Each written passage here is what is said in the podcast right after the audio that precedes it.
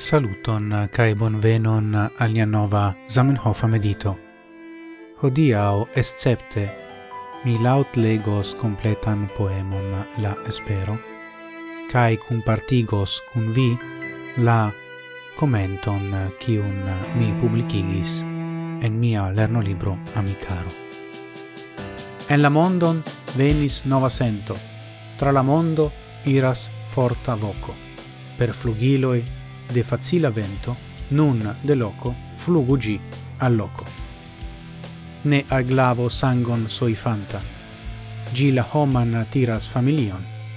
Alla mond, eterne militanta, gi promessas sanctan harmonion.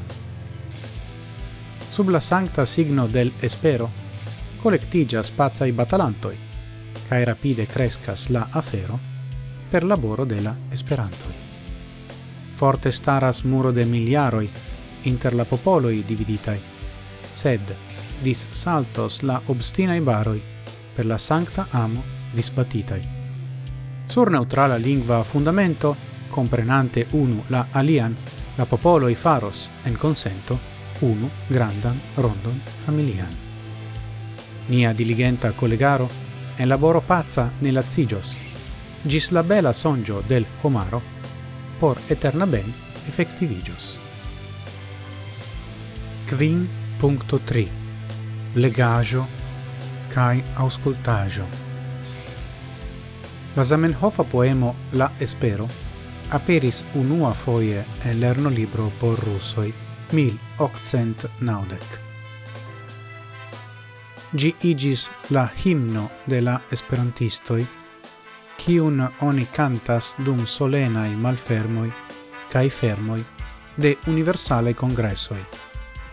Sur la notoi de Felicien de Menil, esperantisto el Bulonio Cemaro cae Barono, do Nobelo, Franza, origine el Flandrio.